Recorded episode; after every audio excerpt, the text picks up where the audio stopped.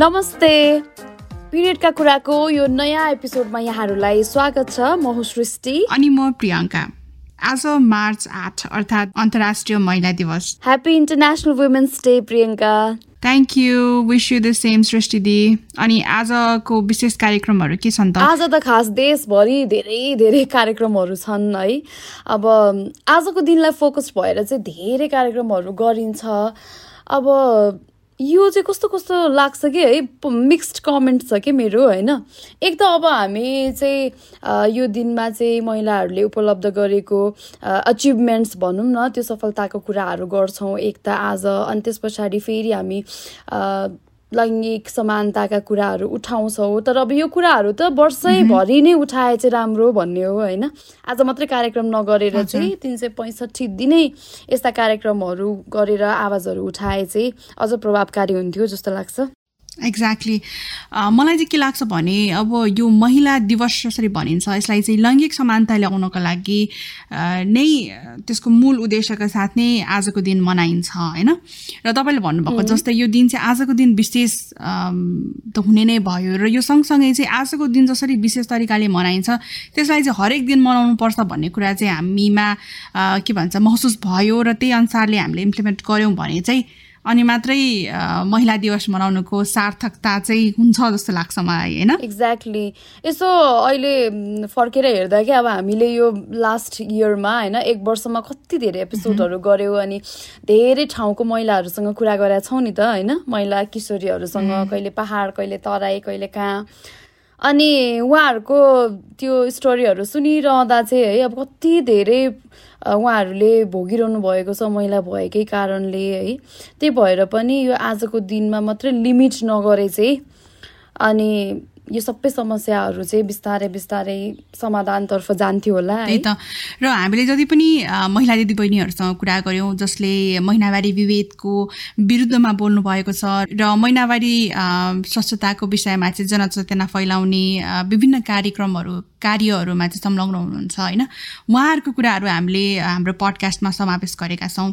र त्यो सँगसँगै र महिला दिवसलाई नै सार्थकताको रूपमा ल्याउनको लागि हामीले आज पनि यस्ता अभियानतालाई लिएर आएका छौँ जसले विगत पच्चिस वर्षदेखि महिला अधिकारको हितमा चाहिँ लडिरहनु भएको छ। एकैछिन लाहानकी महिला अधिकार कर्मी एवं स्वास्थ्य परामर्शकर्ता रिता महतोसँग कुराकानी गरौँ।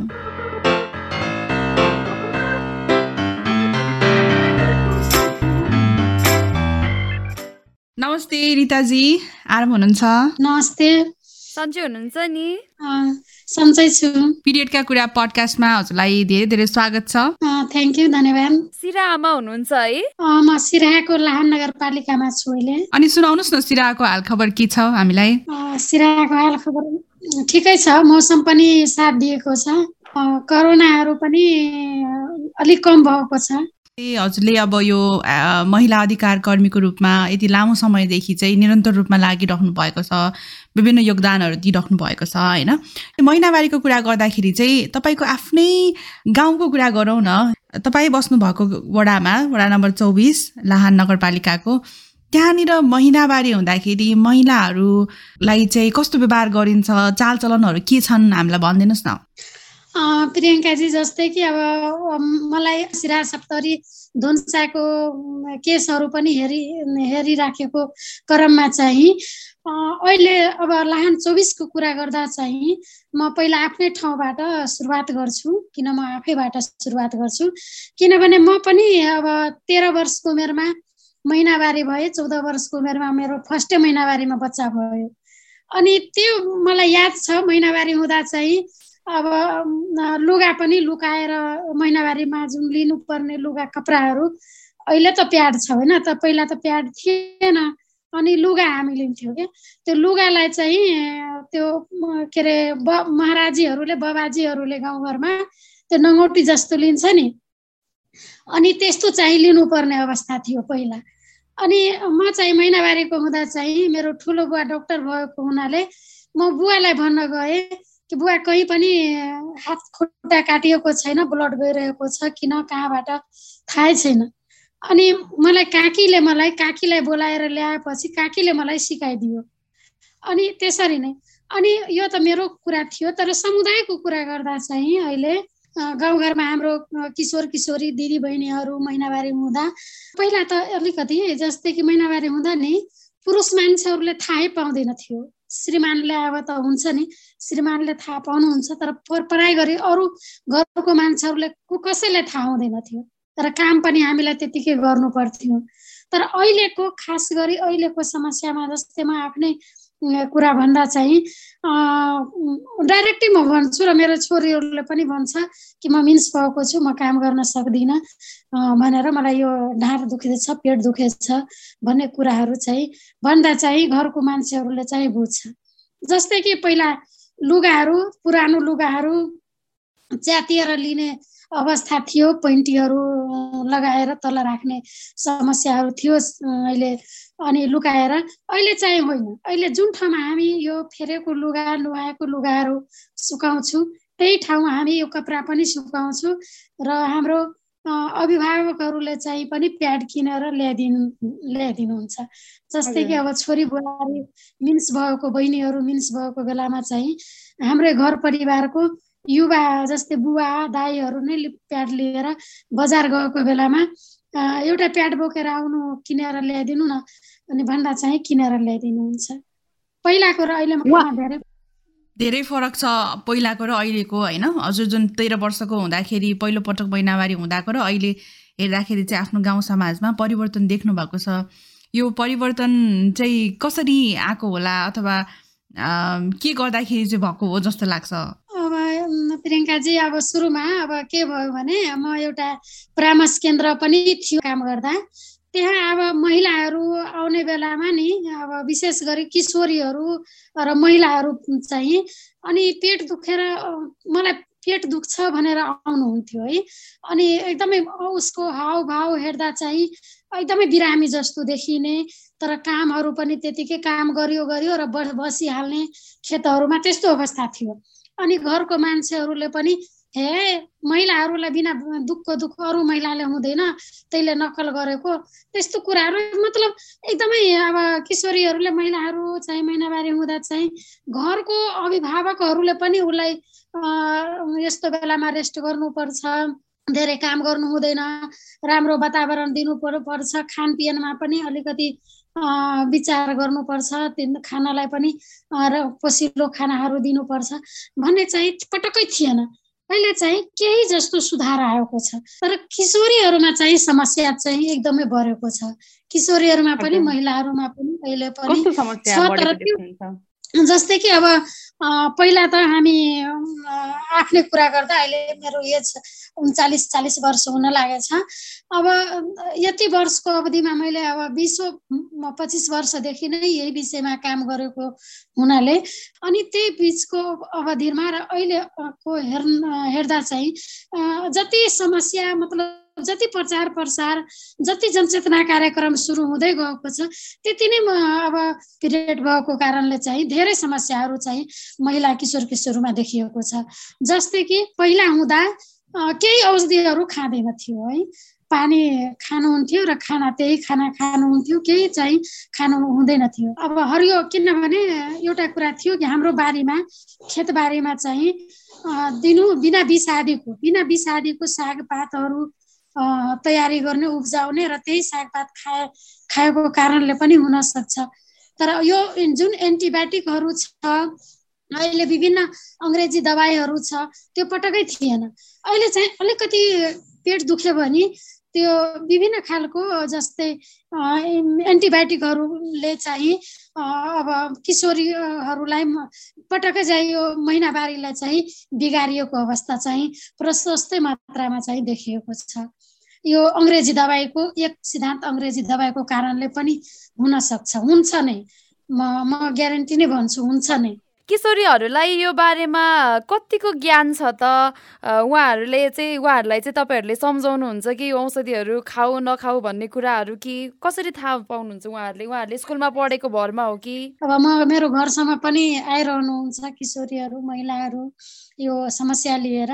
तर पढाइ गरी म आफ्नै हातले चुल्हा बालेर दबाई औषधि बनाएर देखाउँछु जडीबुटी जुन हाम्रो बाबा पुर्खा पालामा हाम्रो आमाहरूले दिदीहरूले प्रयोग गरेको स्थानीय झारपात नै जडीबुटी हो। त्यो जडीबुटीको माध्यमबाट धेरैजनालाई निको भएको थियो।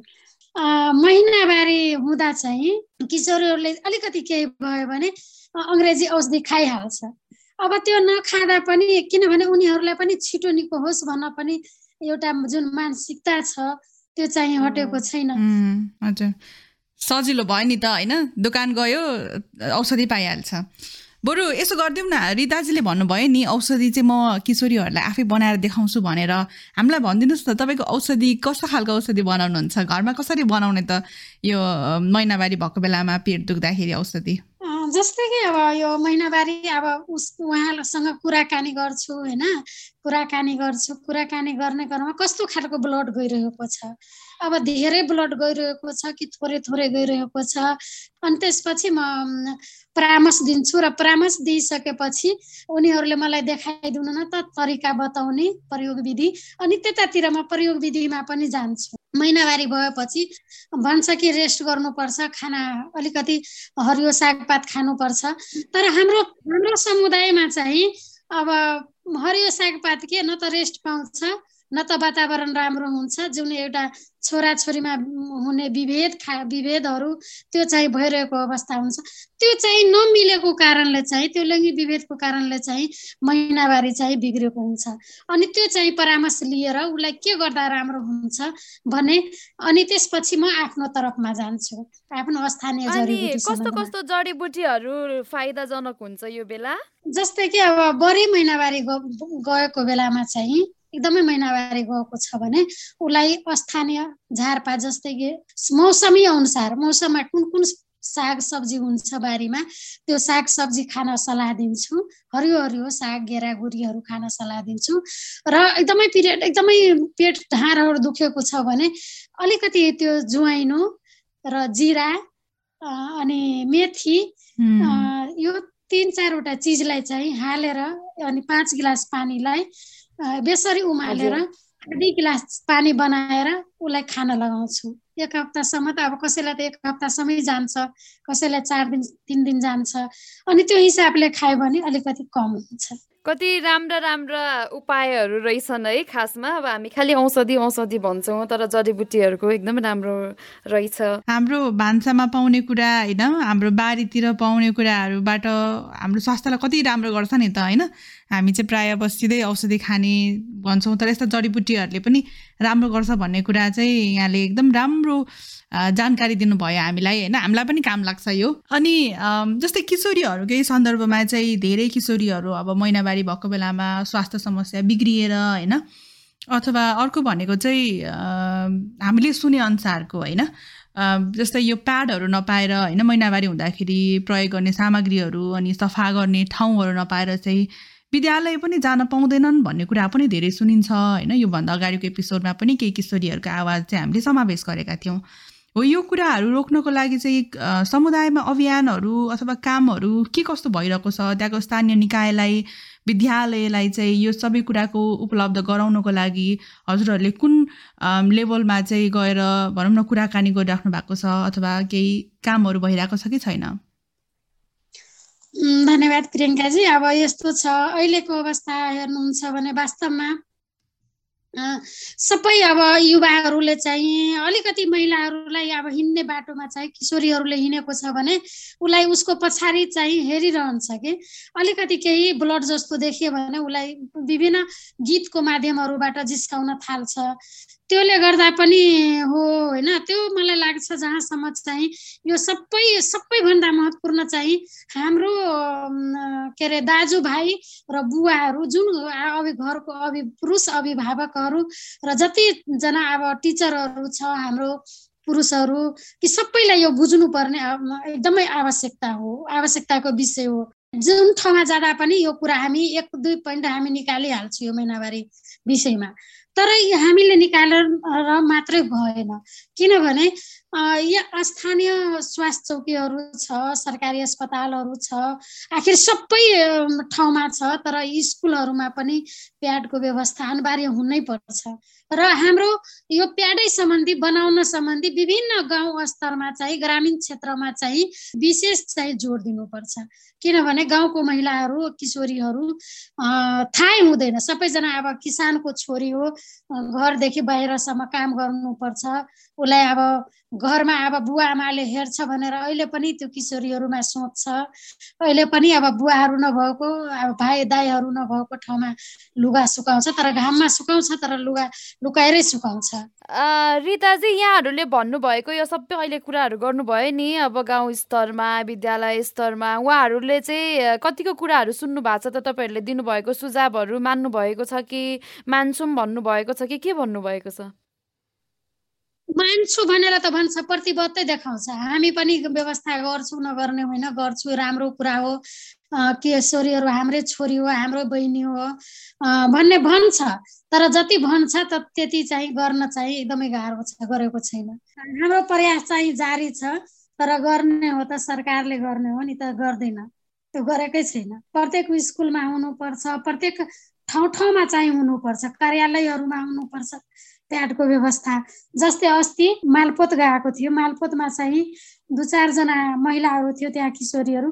दुईजना एकजना किशोरी एकजना महिलालाई मैले देखेको ब्लड। अनि सबै पुरुषहरूले हेर्छ हाँस्छ मोबाइल चलाउँछ कोही फोटो खिच्छ कोही हाँस्छ खिल्ली उर्याउँछ तर मैले देख्दा चाहिँ मैले त्यो दिदीलाई यता नजिकमा बोलाएर ल्याएँ ल तपाईँ कति फोटो खिच्नुहुन्छ? खिच्नु न। फोटै खिच्न मन पर जस लुकाएर खिच्नुहुन्छ टिटक बनाउनुहुन्छ। त्यही महिनावारीको ब्लड हो। तपाईँ त्यही स्तरबाट तपाईँ जन्मिनु भएको छ अहिले कुर्सीमा बस्नु भएको छ।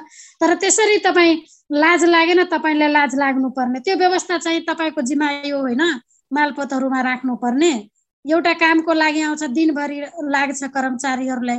अनि त्यसरी तपाईँ ब्लड देखाएर तपाईँ फोटो लिनुहुन्छ।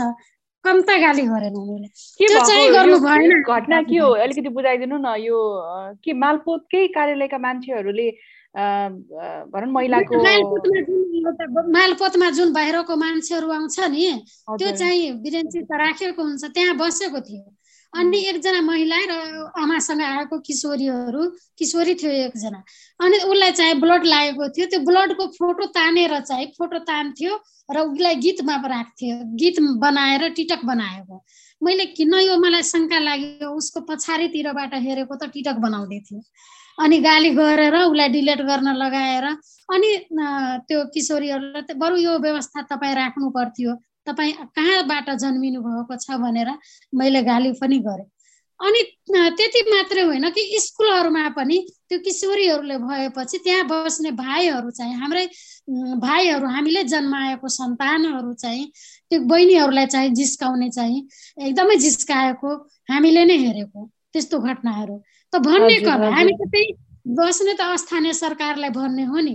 अहिले ठुला ठुला भाषण गर्ने जुन हाम्रो स्थानीय सरकार छ सरकार छ स्वास्थ्य मन्त्रालयहरू छ उहाँहरूसम्म यो कानमा पुगोस् न। यो ग्रामीण क्षेत्रको स्कुलहरूमा यो व्यवस्था भएन भने त्यो दिनु घटनाहरू यो यो कारणले महिनावारी भएकै कारणले चाहिँ महिलाहरू किशोरीहरू चाहिँ जोखिममा छ। पढ्न जाँदैन। है? कति लाजमर्दो कुरा हो क्या? अब यो कुराहरू हाम्रो छोरालाई होइन घरमा पुरुषलाई सबै कुरा सिकाउने हो भने त उनीहरूले महिनावारी जस्तो संवेदनशील कुरालाई यसरी खिल्ली उडाउँदैन थियो नि त होइन? तर खुसी लाग्यो रिताजी हजुरले चाहिँ यो कुराको विरोध गरिराख्नु भएको छ होइन? यसरी महिला होस् पुरुष होस् सबैलाई चाहिँ महिनावारी सम्बन्धी जानकारी गराइराख्नु भएको छ। त्यो निकै नै एकदमै राम्रो कार्य गरिराख्नु भएको छ र आगामी दिनहरूमा पनि गर्दै जानु होला। त्यही त यो एउटा सामान्य होइन प्राकृतिक कुरा हो होइन सबैले बुझ्नु जरुरी। सबैजनाले बुझ्नु पनि भएको छ तर कतिजना फेरि बुझ पचाउनुहुन्छ के थाहा भए थाहा भए पनि होइन। यसरी अर्कालाई यो जिस्काउने खिल्ली उडाउने कुरा चाहिँ झन् एकदमै नराम्रो। त्यही भएर पनि सबैजना यो बारेमा चाहिँ अलिकति सजग रहन जरुरी छ। अब यहाँहरूले जे गरिरहनु भएको भएको छ यो सामाजिक परिवर्तनका लागि त्यो एकदमै सराहनीय छ। आफ्नो आवाज यसै गरी उठाउँदै जानु होला रिताजी। हाम्रो पनि यहाँलाई धेरै धेरै शुभकामना। धन्यवाद। एउटा कुरा नि पहिला नि काम गर्ने बेलामा हामी पिल्स च्याट हुन्छ नि अनि किशोरीहरूको फोटो देखाए देखाएर अनि महिनावारी यसरी हुन्छ भनेर डिमाहरू अर्को महिनामा अर्को डिमा फुट्छ अर्को महिनामा अर्को डिमा फुट्छ। त्यो पिल्स चाट हुन्छ कि? अनि त्यो लिएर हामी ओरिएन्टेसनहरू चलाउँदा एउटा पनि पुरुष नबस्दिने क्या। अनि कसरी बुझ्छ? यो चाहिँ महिलाको मात्रै विषय हो भन्ने चाहिँ भ्रम छ समाजमा होइन? त्यो भ्रम चाहिँ धेरै हदसम्म यसरी चिरिराख्नु भएको छ तपाईँहरूले। तपाईँहरू जस्तै अभियन्ताहरूले चिर्नुहुन्छ होइन? हाम्रो समाजबाट यस्तो खालको भ्रम भन्ने अपेक्षा पनि राखेका छौँ। हजुरसँग कुरा गरेर निकै नै खुसी लाग्यो। आगामी दिनहरूमा पनि फेरि फेरि कुरा गर्ने मौका जिरोस्। धन्यवाद थ्याङ्क यू